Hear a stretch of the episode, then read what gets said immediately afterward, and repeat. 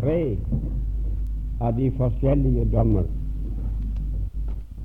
Først dommen som falt ved Kristi død på Golgata. Og så dommen over Guds hus, den som pågår nå. Og så har vi talt om dommen foran Kristi domstol. Vi har sett hvem den dommen gjelder, og vi har sett hensikten med den. Det skal tilkjennes lønn. Lønn for den tjeneste som Herren vedkjenner seg. Og vi har sett litt av hvor i den lønnen vil bestå. Jeg presiserte ordet 'litt'. Der står en del igjen, men det går jeg forbi. Så står det to dommer igjen som jeg nå vil si lite grann om. Og de har ingenting med fortiden eller nåtiden å gjøre, men de har sikte på det som ligger foran, på fremtiden, avslutningen på den, og på evigheten. Og det er dommen foran menneskesønnens herlighetstrone og dommen foran den hvite trone. Altså dommen foran menneskesønnens herlighetstrone og dommen ved den store hvite trone. Dere kan notere Matteus 25, vers 31 til 46, og Åpenbaringen 20, 11 til 15.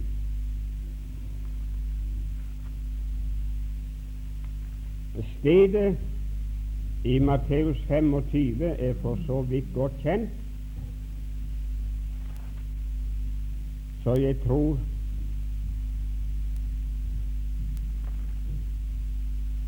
at jeg bare kan lese en del av det. Vi får se. Men når brudgommen kommer i sin herlighet Nei, når Herren kommer. Nei.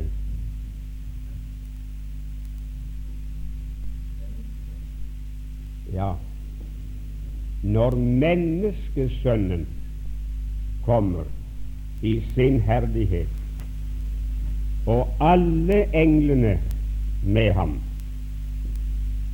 da skal han sitte på sin herlighetstrone, og alle folkeslag nasjoner skal samles for hans åsyn, og han skal skille dem fra hverandre, like som hyrden skiller fårene fra gjetene. Og han skal skille fårene, stille fårene ved sin høyre side, men gjetene ved den venstre. Da skal kongen si til dem ved sin høyre side, Kom hit, i min fars velsignede, arv det rike som er beredt eder fra verdens grunnvoll belagt. For jeg var hungrig, og I ga meg å ete, osv. Det der avsnittet det går jeg ut fra de kan. Om de ikke kan det utenat, så kjenner det så nøye til det at det ikke er nødvendig å lese alt det der opp. Fra vers 44 Da skal også de svare ham og si, Herre, nå så vi deg hungrig. Nå, det må vi ta med vers 39 før. Nå så vi deg syk eller i fengsel og kom til deg. Og kongen skal svare og si til dem, sannelig sier jeg eder, hva dere har gjort imot en av disse mine minste brødre, det har I gjort imot meg.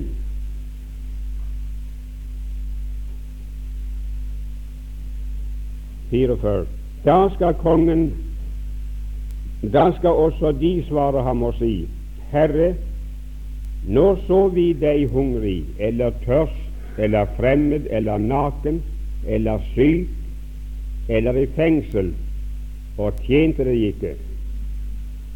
Og han skal svare dem og si, sannelig sier jeg eder, hva I ikke har gjort imot en av disse minste, det har de heller ikke gjort imot meg.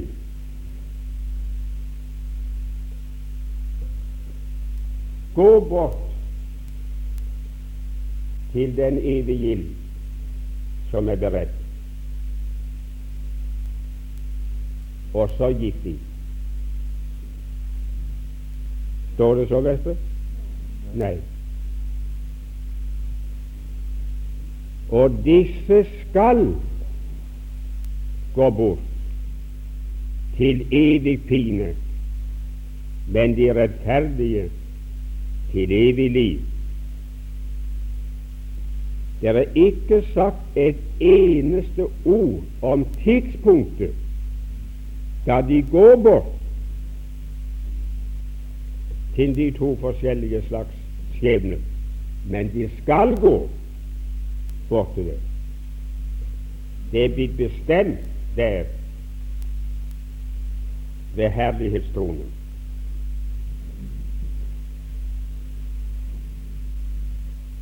Mange går ut fra at disse ja, vi får lese også Åpenbaringen 20, 11-15. Og jeg så en stor, hvit trone, og ham som satt på dem. og for hans åsyn gikk jorden og himmelen bort. Når jeg står og tenker på andre ting, så jeg betoner det visst ikke riktig. Og jeg så en stor, hvit trone, og ham som satt på den, og for hans åsyn vek jorden og himmelen bort, og det ble ikke funnet sted for dem. Og jeg så de døde, små og store, stå for Gud, og bøker ble åpnet, og en annen bok ble åpnet, som er livsens bok, og de døde ble dømt etter det som var skrevet i bøkene, etter sine gjerninger.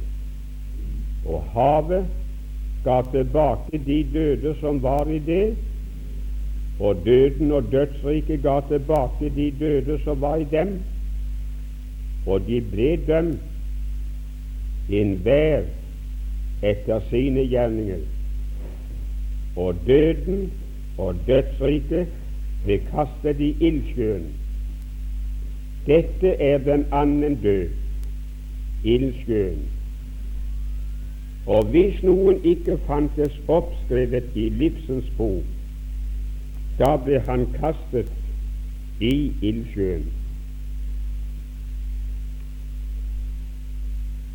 Disse to dommer dommen foran menneskesønnens herlighetstrone og dommen ved den store hvite trone, den blir av mange gjort identisk.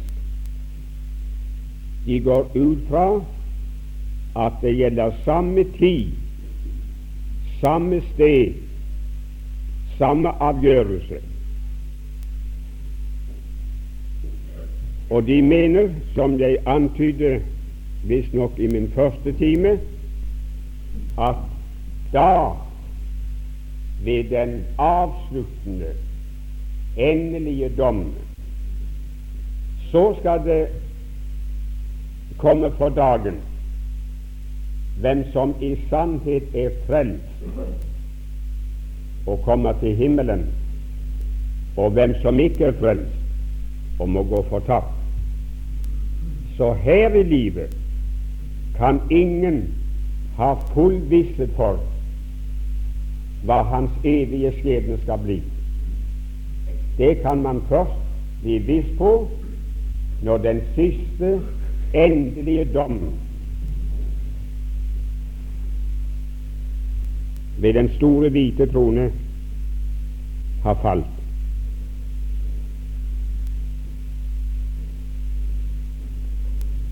Så langt jeg kan se,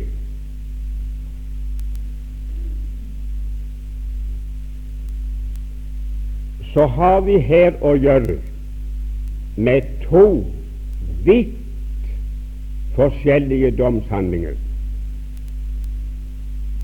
Så forskjellige at de har ingenting med hverandre å gjøre. Sammenhengen er for det første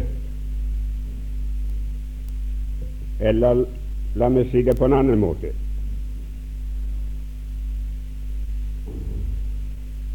Hvis vi sammenligner det som er sagt om dommen ved menneskesønnens herlighetstrone og dommen ved den store hvite trone, så ser vi at for det første så er domsinstansene forskjellige.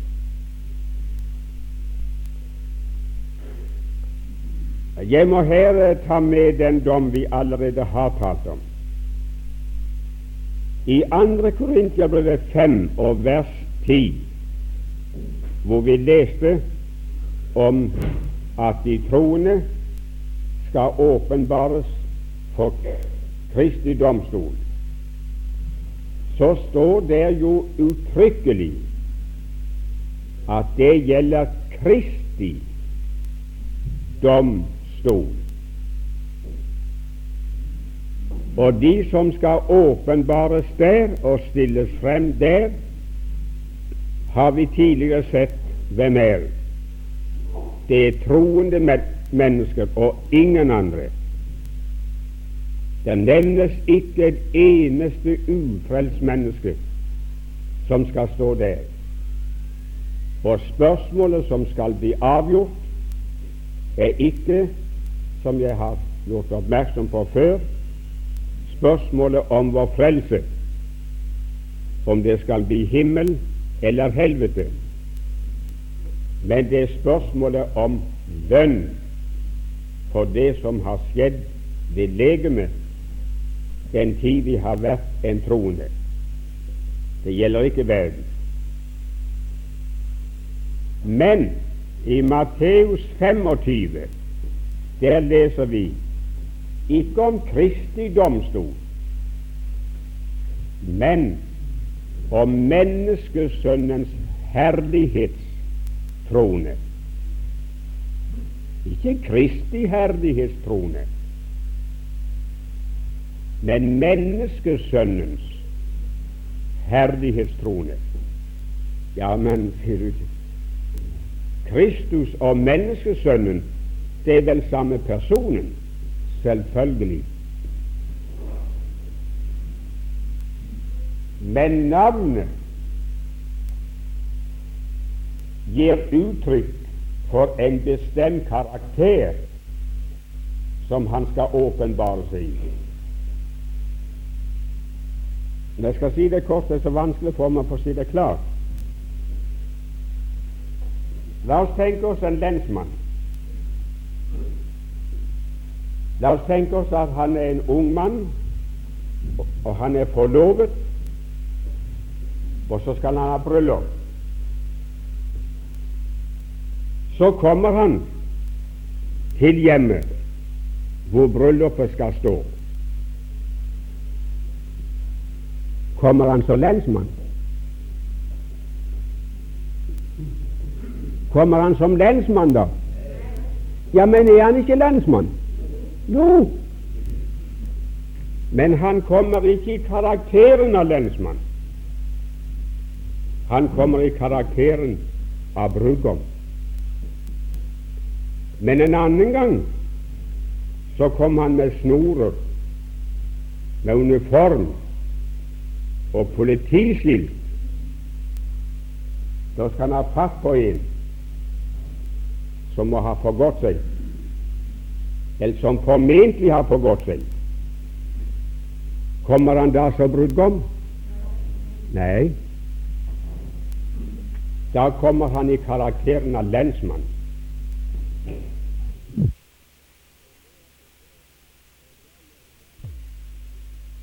Det er forskjell på å ha med ham å gjøre som brudgom og det å ha å gjøre med ham som lensmann. Det er akkurat så her, min venn. Den ene samme person, mannen fra Golgata, han kan opptre og skal opptre i forskjellig karakter. Og det er forskjell på når han kommer som brudgom, og noen skal møte ham som sådan han kommer som dommer og skal kreve dem til regnskap som uh, har tatt standpunkt til ham. Jeg tenker det er nok til å antyde tanken.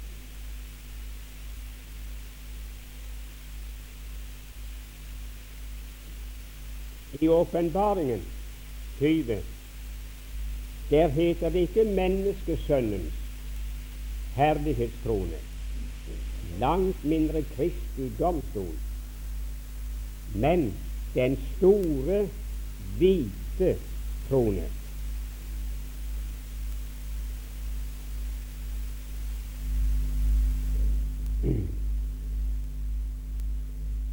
Disse forskjellige benevnelser av domsinstansene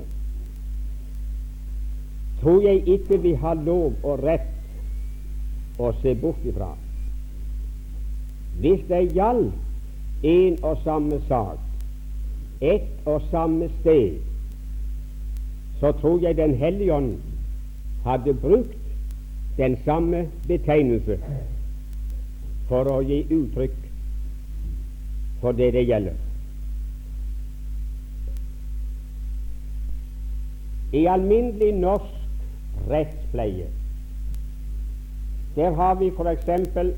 herres rett, og vi har lagmannsrett, og vi har høyesterett.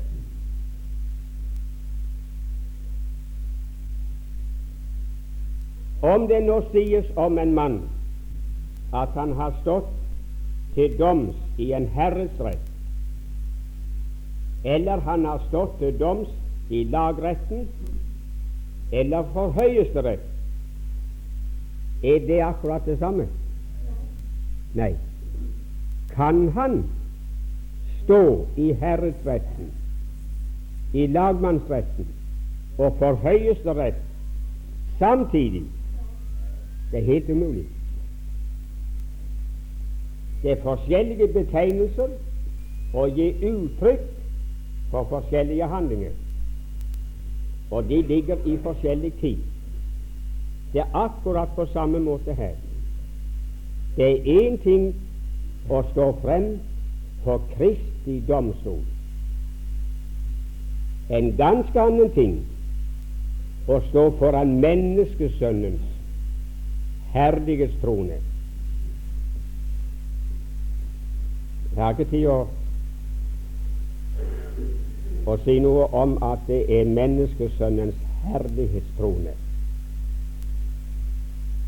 Venner, da er all hans skam, all hans vanære, for evig vekk. Da skal ingen mer kunne spytte ham i ansiktet, rykke ham i skjegget, håne ham. Men da skal de se ham i sin herlighet og i sin makt og sitt velde.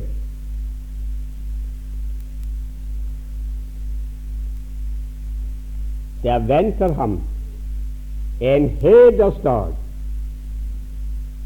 for all skammen og vanæren han fikk i verden og får i verden på nærværende tid. La det være. Og det blir også en helt annen sak og en helt annen begivenhet å stilles frem foran den store, hvite trone. Man kan ikke stå samtidig ved Kristi domstol, ved menneskesønnens herlighetstrone og ved den store, hvite trone. Det er en umulighet. Dernest personene personene, eller som parentes gjenstanden Fordommen ved de instansene er også forskjellig. Vi har sett jeg kan ikke ta det opp igjen, langt mindre påvise det, at ved Kristi domstol er det troende mennesker. Og ikke bare troende mennesker, men det er troende mennesker som er blitt forvandlet til likhet med Guds sønns bilde. De hensovne i Kristus er først stått opp, og etter at de er stått opp, så blir de andre troende som da lever, i et nu og i et øyeblikk forvandlet, og i samleflokk rykkes de opp for å møte ham i luften. Ved menneskesønnens herlighetstrone, der er det folkeslagene eller nasjonene. Det var det vi leste her. Men når menneskesønnen kommer i sin herlighet, og alle englene med ham. I parentes det finnes ikke ett sted i Det nye testamentet som forteller oss at når Kristus kommer til luften for å hente menigheten hjem, så er englene med ham. Hvis noen av dere har et slikt sted å vise meg, skal jeg være meget takknemlig for å få det. Jeg har i mange år med min beste flid undersøkt det spørsmål. Men jeg har ikke vært i stand til å se at det nevnes noen som skal komme i følge med ham når han henter menigheten hjem. Da kommer han privat og alene og bare til luften, ikke ned til jorden. Hvis noen skal møte ham og se ham, må de rykkes opp i luften for å møte ham. Men nå, når han kommer i karakteren som menneskesønnen, så har han følge. Da er alle englene med ham. Hvis det nå sies f.eks. om meg F.eks. nede i Kristiansand uh, Har du hørt noe til Bjerkan i det siste? Ja, jeg hilste på ham i går. Han kom til byen. Jeg var på stasjonen og, og hilste på ham. Han kom der. Nå eh, Var det noen med ham? Nei, han kom alene. Det var riktig. En annen gang så kom jeg til Kristiansand, og så sier de Bjerkrem og, og han og han og han og han og han var i følge med ham. Når jeg en gang kommer alene, og de kan si det, og en annen gang forteller at det kom så og så mange med meg, kan det gjelde samme besøket i Kristiansand? Hva? Det er umulig, det, folk. Og når Testamentet forteller meg at Kristus en gang kommer til luften, privat, alene, og en annen gang kommer åpenlyst, og alle englene er med ham, så begriper iallfall ikke jeg at det kan være samme begivenhet. Denne jeg har mange ganger måttet revidere mine oppfatninger og mine tanker når jeg har sett hva her står. Og Det får du også finne det i å gjøre. Det er ikke Guds ord som skal korrigeres av din og min tidligere oppfatning, men det er det ordet her som skal være kritikers og kritisere og kontrollere vår oppfatninger, våre meninger og så får vi innrette oss etter den.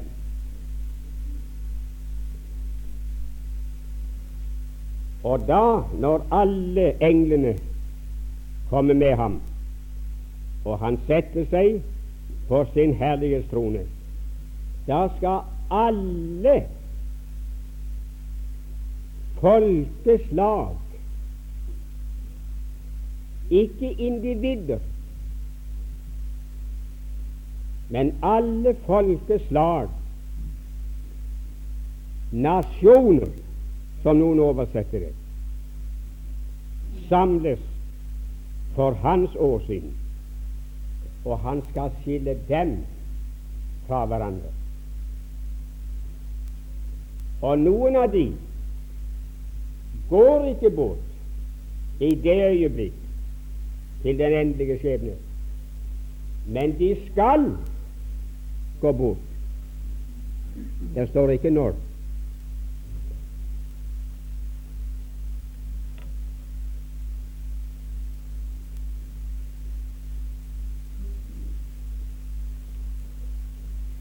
Og du kan også notere deg Les kapitlet nøye gjennom. Du skal ikke finne et eneste ord om at noen av de som da og der samles for hans åsyn, betegnes som døde. At det er skjedd noen oppstandelse, så hensovede døde mennesker kommer ut av gravene og fra dødsriket og blir stilt fram der. Ingen døde. Samtlige det er levende folkeslag, levende nasjoner, som skal stå til ansvar og til regnskap for ham. Ved Kristi domstol, der leser vi om i forbindelse med den at de døde i Kristus, de skal oppstå først. Og de som lever og blir tilbake inntil han kommer, de skal forvandles. Så der er både døde og levende, men samtlige troende. Ved den store, hvite trone nevnes der ingen levende. Alle de som sies å stå frem der og få sin dom, er døde. Jeg så de døde stå på den tronen. Og havet og dødsriket ga tilbake de døde som var i dem. Jeg synes forskjellen er stor og vesentlig. Ved menneskesønnens herlighetstrone er det ingen døde. Der har vi å gjøre med levende mennesker, levende nasjoner. Ved den store, hvite trone, der har du ingen sådanne. Men der er det de døde. De som ikke blir levende før de tusen år var til ende.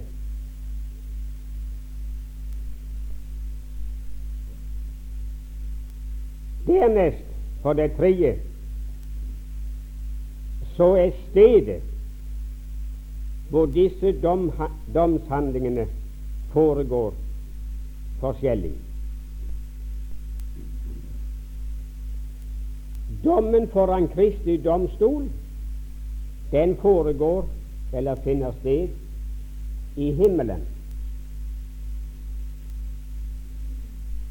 Vi blir først rykket opp som troende før den akten finner sted. Så vi skal ikke stilles frem for Kristi domstol her i verden slik som vi nå er.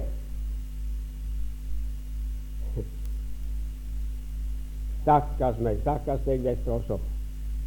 Og hele haugen. Hvis vi skulle stilles frem for Kristi domstol, slik som vi sitter her i dag,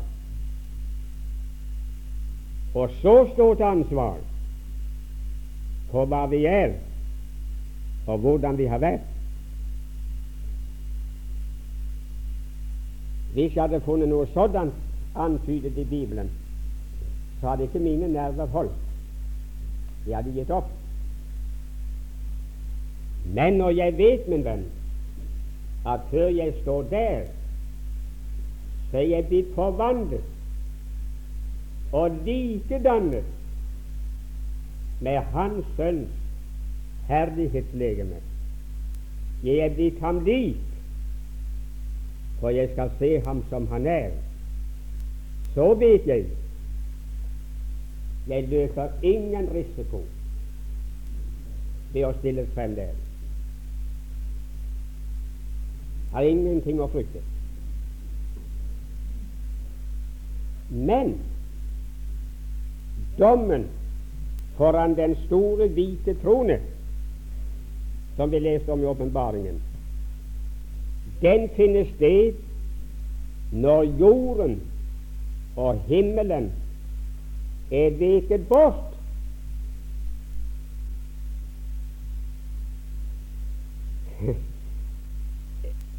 Kan det da fornuftigvis være samme begivenhet? Nei. Og dommen foran menneskesønnens herlighetstrone, den finner også sted her på jorden. Som jeg sa tidligere, det er ingen hentydning til død og oppstandelse av døde. Men folkeslagene, nasjonene, samles og stilles for Hans ansikt. Vil dere være med? Dere kan notere det. Joel 3. Jeg tar med bare to vers. Joel 3, vers 7 og 17. Da vil jeg samle alle hedningefolk og føre dem ned i Josafats dal, og jeg vil der gå i rette med dem for mitt folks og min arvs Israels skyld. Nilsen han sier Fikk du tak på det? Nå får jeg låne det uttrykket her. Fikk du tak på det? Da vil jeg samle alle hedningefolk og føre dem ned i Josafats dal. Og det vil jeg gå i rette med dem. Hvorfor? Av hvilken grunn? For mitt folks og min arvs, Israels skyld. Fordi de spredte dem blant hedningene og delte mitt land. 17. Hedningefolkene skal våkne. Hedningefolkene skal våkne opp og dra til Josafats dal, for der vil jeg sitte og dømme alle hedninge folk fra alle kanter. Hadde jeg lest galt, hadde jeg sans med, så hadde jeg gjort det. Så hadde muligens bedre lagt merke til hva det sies. Kan hende jeg kan gjøre det nå. Hedningefolkene skal vågne opp og dra til himmelen, for der vil jeg sitte og dømme alle hedningefolk. Nei, godt folk, det står ikke det. Det vil finne sted en annen samling, en annen begivenhet, et annet opprør. De skal dra til Josafats dal, for der vil jeg sitte og dømme alle hedninge folk fra alle kanter. En slik begivenhet har ennå aldri funnet sted i historien. Den er framtidig. Det er samme begivenhet som med andre ord er gjengitt i Åpenbaringen 19, der hvor det sies eller tales om det som vi alminnelig kaller for slaget, krigen ved Hamageddon. De kan lese om det selv, jeg har ikke tid.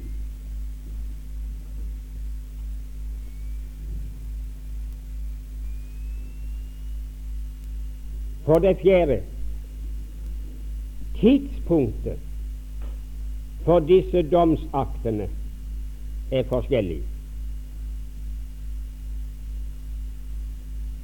I parentes jeg legger ikke vind på i denne timen å tale til oppbyggelse og si det noe sånn evangelisk godt som kan gjøre dere varme og begeistret over at du er frelst, og gjøre deg viss på at du er frelst. Men jeg gir en sådan konsentrert, sammentrengt oversikt når det gjelder forholdet mellom disse dommene. Og i lys av det se det som er antydet i programmet vårt forhold til Herrens dommer. For å kjenne det må vi kjenne dommene og forskjellene mellom dem.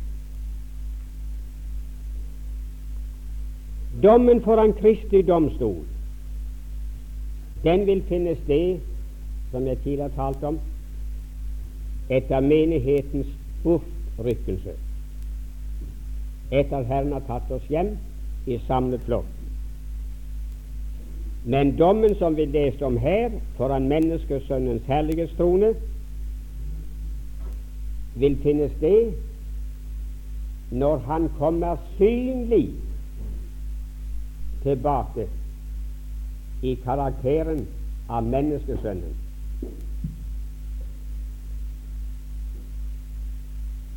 Når han kommer til luften med Guds forsamlingsbasun. Og så står det med Guds basun og overengels røst. Ja, det er godt nok, men jeg liker bedre en av de engelske oversettelser. Han skal komme med overengels røst og med Guds forsamlende basun. De støtte De hadde to sølvtrompeter i Israel. Og ved hjelp av de ble det gitt forskjellige ordre til leiren, til folket. De skulle støte i basunen på én måte når de varslet krig, og at fienden rykket imot dem. Men når de f.eks. skulle samle seg til høytid, eller til fest, eller noe annet, så støtte de på en annen måte. Det var forsamlingsstøt i basunen.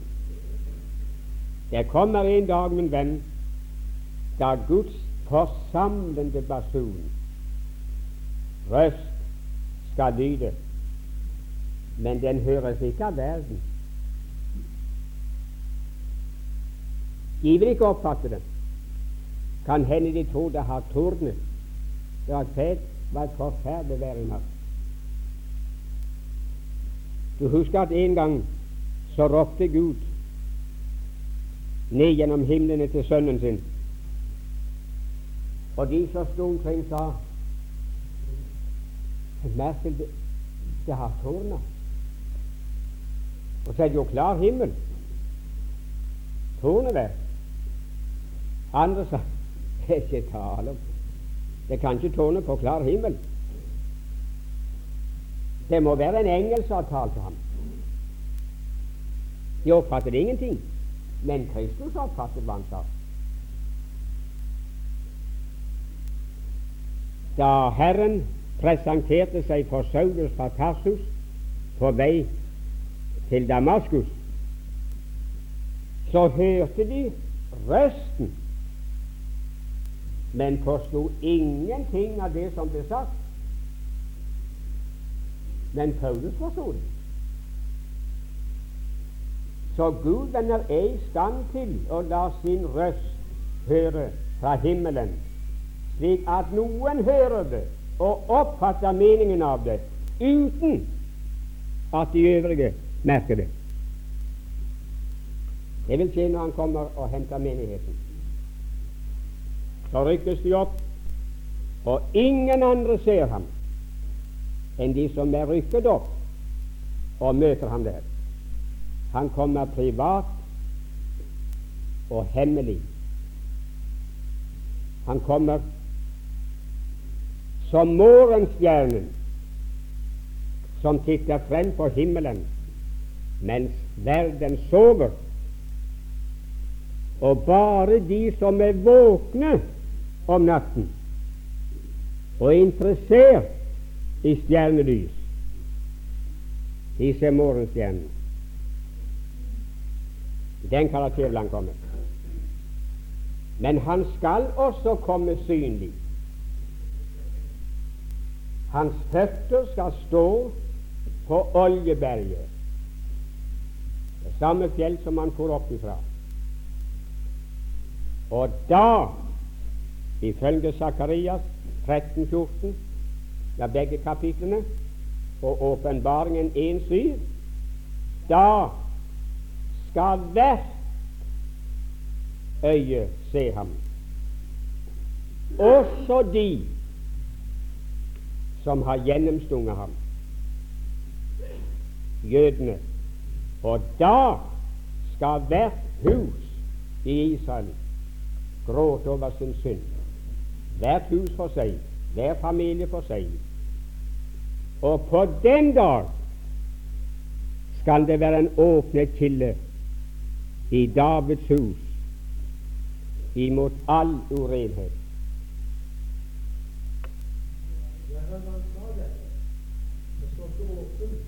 Nei, du får se etter.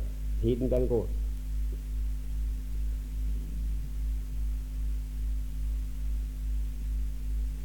Og det er den begivenheten som Matteus 25 handler om. Da når han samler nasjonene til oppgjør,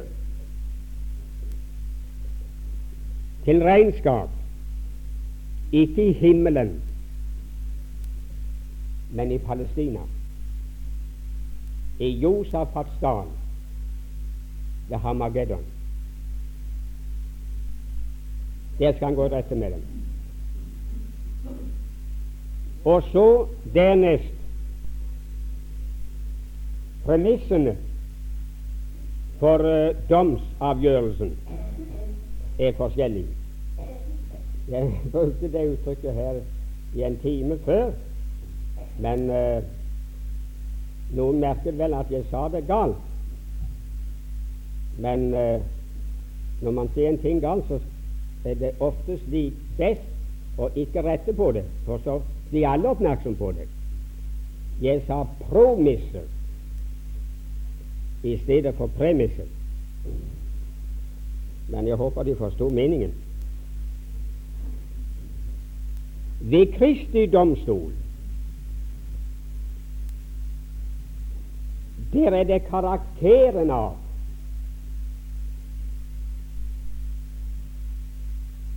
Eller kanskje rett å si motivet for våre gjerninger som skal bli vurdert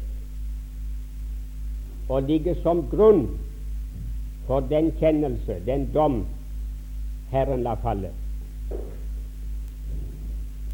Jeg har talt om det der, om motivene, før. Tenk på når jeg snakker om et beger koldt vann.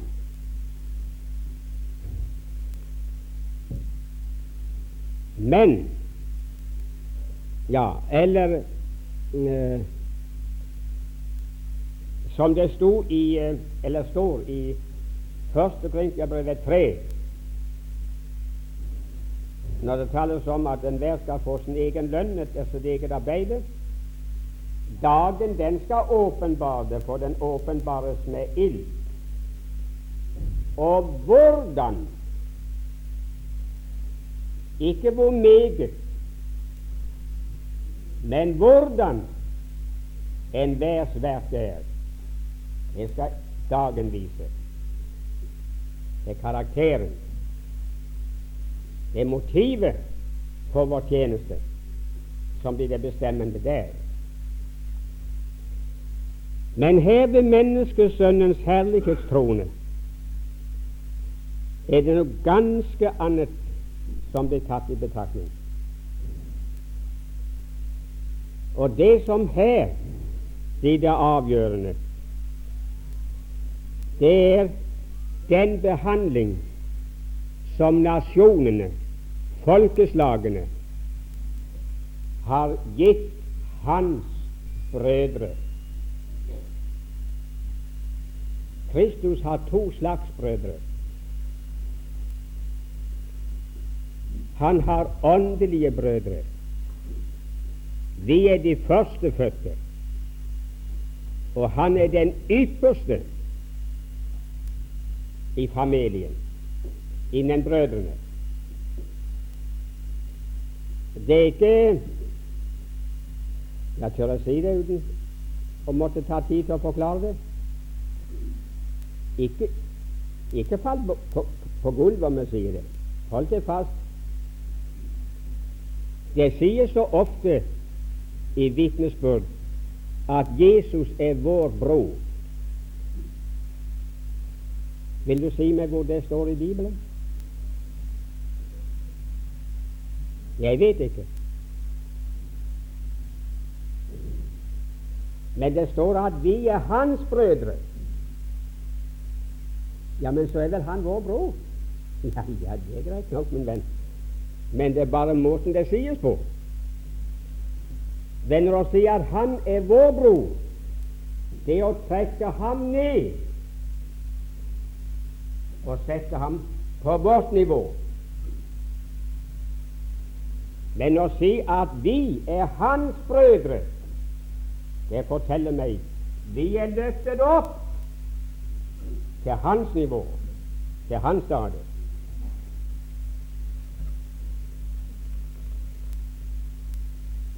Håper det ser noe bak det som jeg ikke kan, kan snakke om.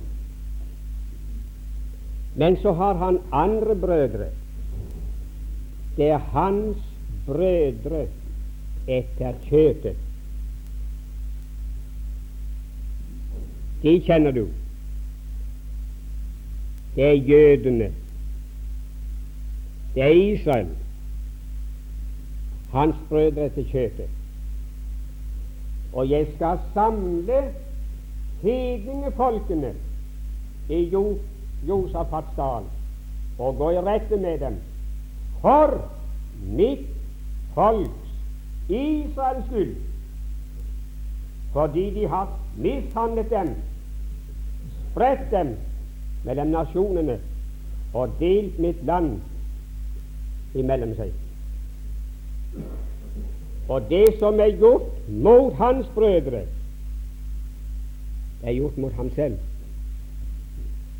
Og det som ikke er gjort mot dem, er heller ikke gjort med ham. Det er stygt å, å tale på den der verslige måten og si 'Gud hjelp oss'. Men kan det brukes å si 'Gud hjelpe denne stakkars verden', nasjonene, når de skal kreves til regnskap for menneskesønnens herlige trone, og måtte svare for all den behandling det folket har vært gjenstand for. Det blir en svarte dag.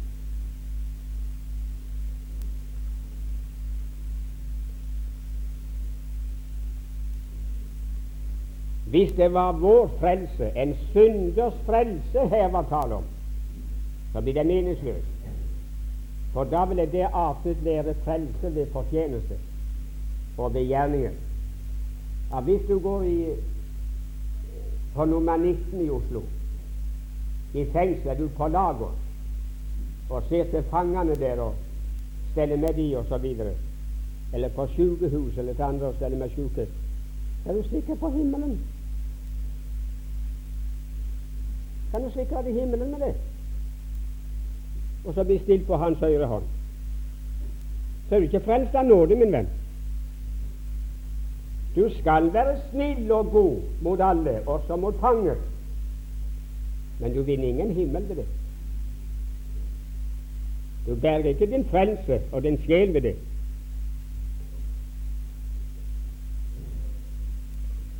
Men ved den store hvite trone er det ikke noe av dette som kommer i betraktning.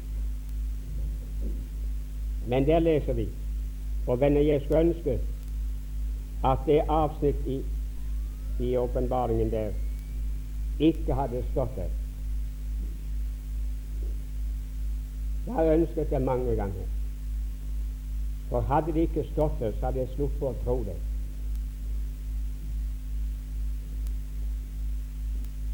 Jeg kvier meg alltid for å snakke om det der. Da, når jorden og himmelen er veket bort, og alle ugudelige døde, uansett når de døde, enten det var før dommen ved menneskesønnens herlighetstrone, som finner sted etter den store trengsel, eller de er døde i en annen tidsperiode, når alle døde står fram, som ikke har trodd. Da skal bøkene slås opp, og så skal enhver av dem bli dømt etter det som står skrevet i bøkene etter sine gjerninger. Og når de er konfrontert med alt det der, så tas det frem en bok til som skal rettferdiggjøre den dom som blir avsagt i forhold til de andre bøker. Det er livsens bok. Kom hit her. Kan du finne navnet ditt her?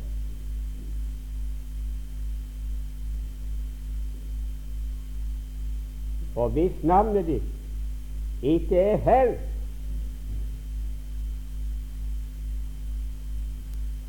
Det er ildsjøen.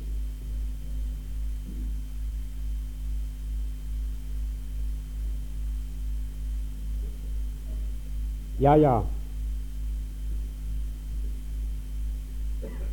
Under full bevissthet av mitt ansvar. Under full bevissthet av at det også en gang foran Kristi domstol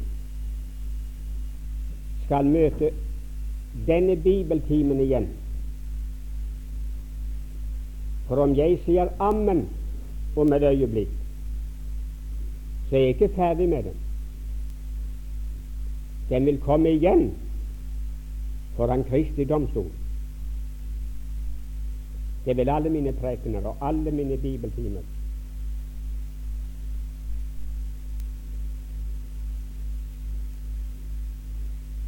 Men under bevisstheten av alt det, så har jeg studert Guds ord så godt jeg på legmannsvis kan,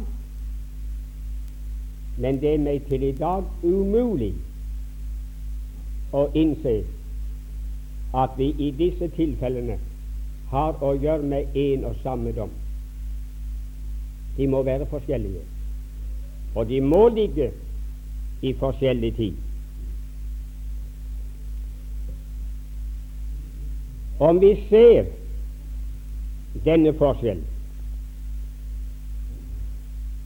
så skulle vårt forhold til de kommende dommene, eller domsaktene, være klarlagt. Ganske kort kan vi oppsummere det så. Den dom som venter oss troende, det er dommen foran Kristi domstol. Ingen annen. Dommen foran menneskesønnens herlighetstrone angår ikke Kristi menighet. Den skal ikke stå der. Når den finner sted i Josafats dal, så er vi med Kristus i herligheten.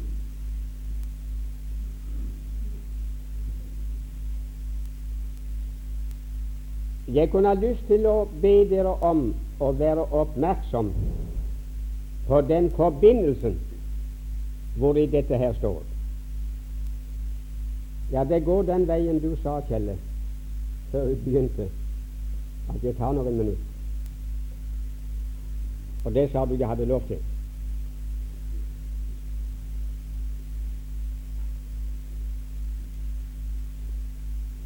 Hvis det les, Når jeg ser sammenhengen, så tenker jeg på kapittel 24 hos Matteus.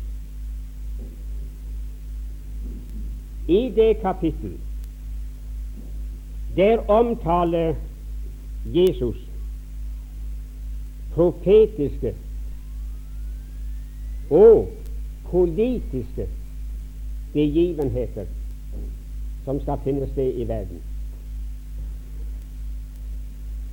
Og deriblant omtaler han den store trengsel. Der vil jeg lese det 21. vers i kapittel 24.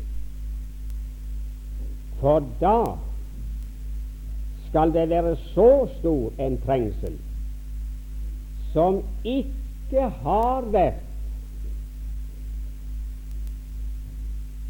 fra verdens begynnelse inntil nå, og heller ikke skal bli. Unnskyld meg om jeg sier det. Jeg har hørt betydelige predikanter som har hevdet at den store trengsel innbefatter all den trengsel som alle troende til alle tider har måttet gjennomleve. Og det å være kommet ut av den store trengsel, det vil si det samme som å være kommet frelst ut av og gjennom alle de trengsler og alle de prøvelser som troende mennesker i Det gamle og nye testamentet har måttet gjennomgå. Hvordan kan det harmonere med Jesu ord her? Det skal være en trengsel som ikke har vært fra verdens begynnelse. Kan den så ha vært? I så fall kan ikke jeg lese norsk. Og den skal heller ikke bli. Den trengselen må da være eksepsjonell, enestående, en unntakelse fra alle andre trengsler som har gått over verden.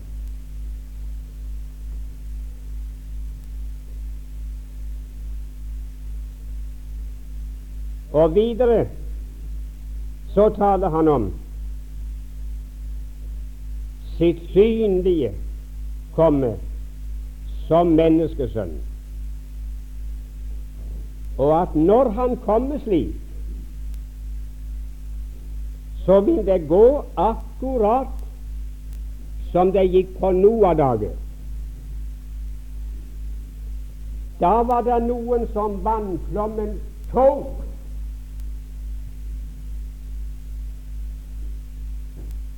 og de druknet.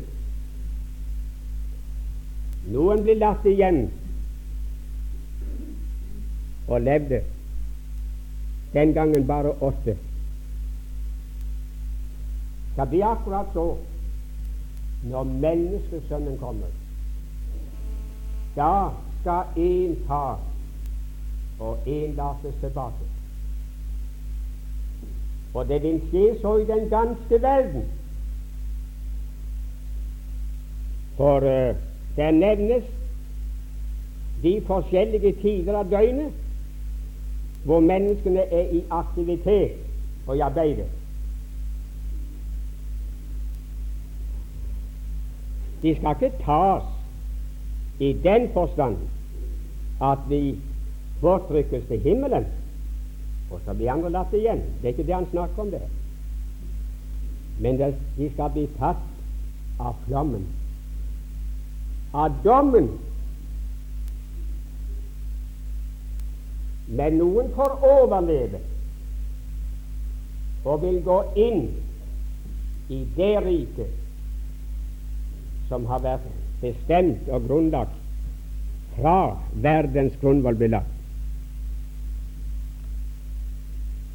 Jeg tviler på om norske folk får overleve og gå inn i det riket. Ja, det skulle jeg ikke sagt, for det var det bare spørsmål. Men det er ting, venner, i Skriften, synes jeg, som tyder på at det vil bli en forskjell for de folkeslagene som nå har levd på vestsiden av floden Eufrat, og som har hatt sannhet og evangeliet, og som så å si har vasset i det, og kunne ha tatt imot sannheten til frelse, men som ikke ville. Og så folkeslagene på østsiden, som ikke har hatt den anledningen, men som skal få den.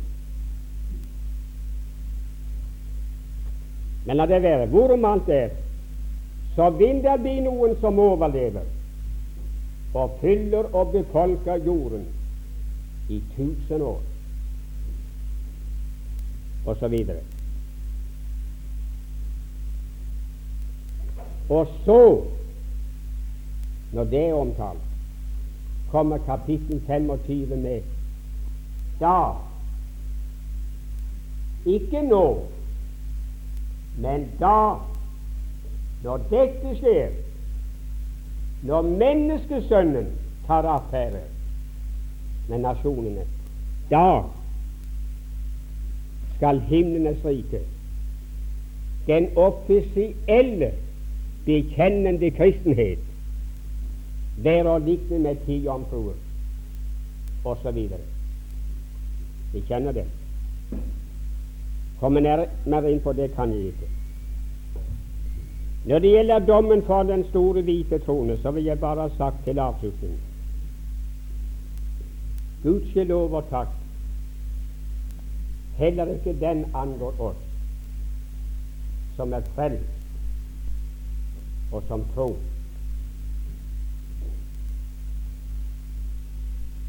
Vi skal ikke bli sett der.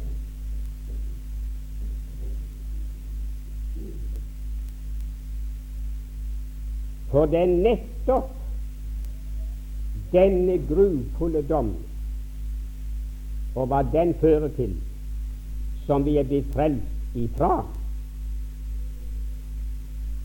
Sannelig, sannelig sier jeg dere, den som hører mitt ord og tror Ham som har sendt meg, han er gått over fra døden til livet og kommer ikke ikke til dommen. Han er ferdig med det. Som et frelst, troende menneske så ser jeg ikke fremover til min dommedag. Nei, men jeg snur meg rundt, og så ser jeg 2000 år tilbake i tiden. Til jeg ser et kors på Golgata hvor en mann døde i mitt sted for all min synd, og tok meg med i døden, og sto opp igjen. Og en engel kunne sitte der og si ved graven Han er ikke her, han er oppstanden. Der var min dommedag. Så jeg er ferdig med det. Den er lagt bak meg. Men jeg dømmes nå for mitt liv som en troende. Jeg disiplineres, og min tjeneste skal dømmes ved Kristi domstol. Men jeg skal ikke stå der ved den store, hvite trone. Og så få alt mitt liv rullet opp for meg, alle mine gjerninger, endog hvert unyttig ord jeg har talt og så bli dømt etter det. Nei, det er jeg frelst ifra. Gudskjelov og takk. Og dermed er jeg frelst fra en evig fortapelse bort fra Guds ansikt. Jeg får si jammen det. Dette er altså den siste av mine timer her denne gangen. Var denne jeg hadde tenkt å gått ifra og overlatt andre. Men eh, det ble nedlagt så kraftig protest at jeg fant å måtte ta hensyn til den. Og så tok jeg den. Og hadde den protesten kommet fra dere tilreisende, så hadde jeg ikke tatt hensyn til den men den kom fra mine venner her på stedet, og de kunne jeg ikke godt støte og si nei til. Så skal dere ha takk for uh, den oppmerksomheten dere har vist også mot mine timer.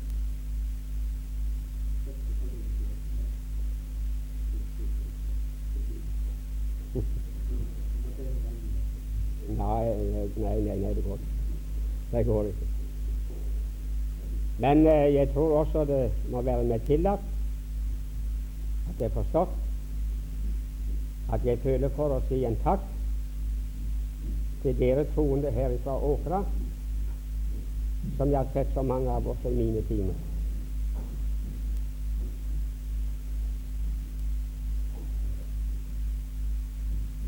Jeg setter pris på det. Takk skal du ha.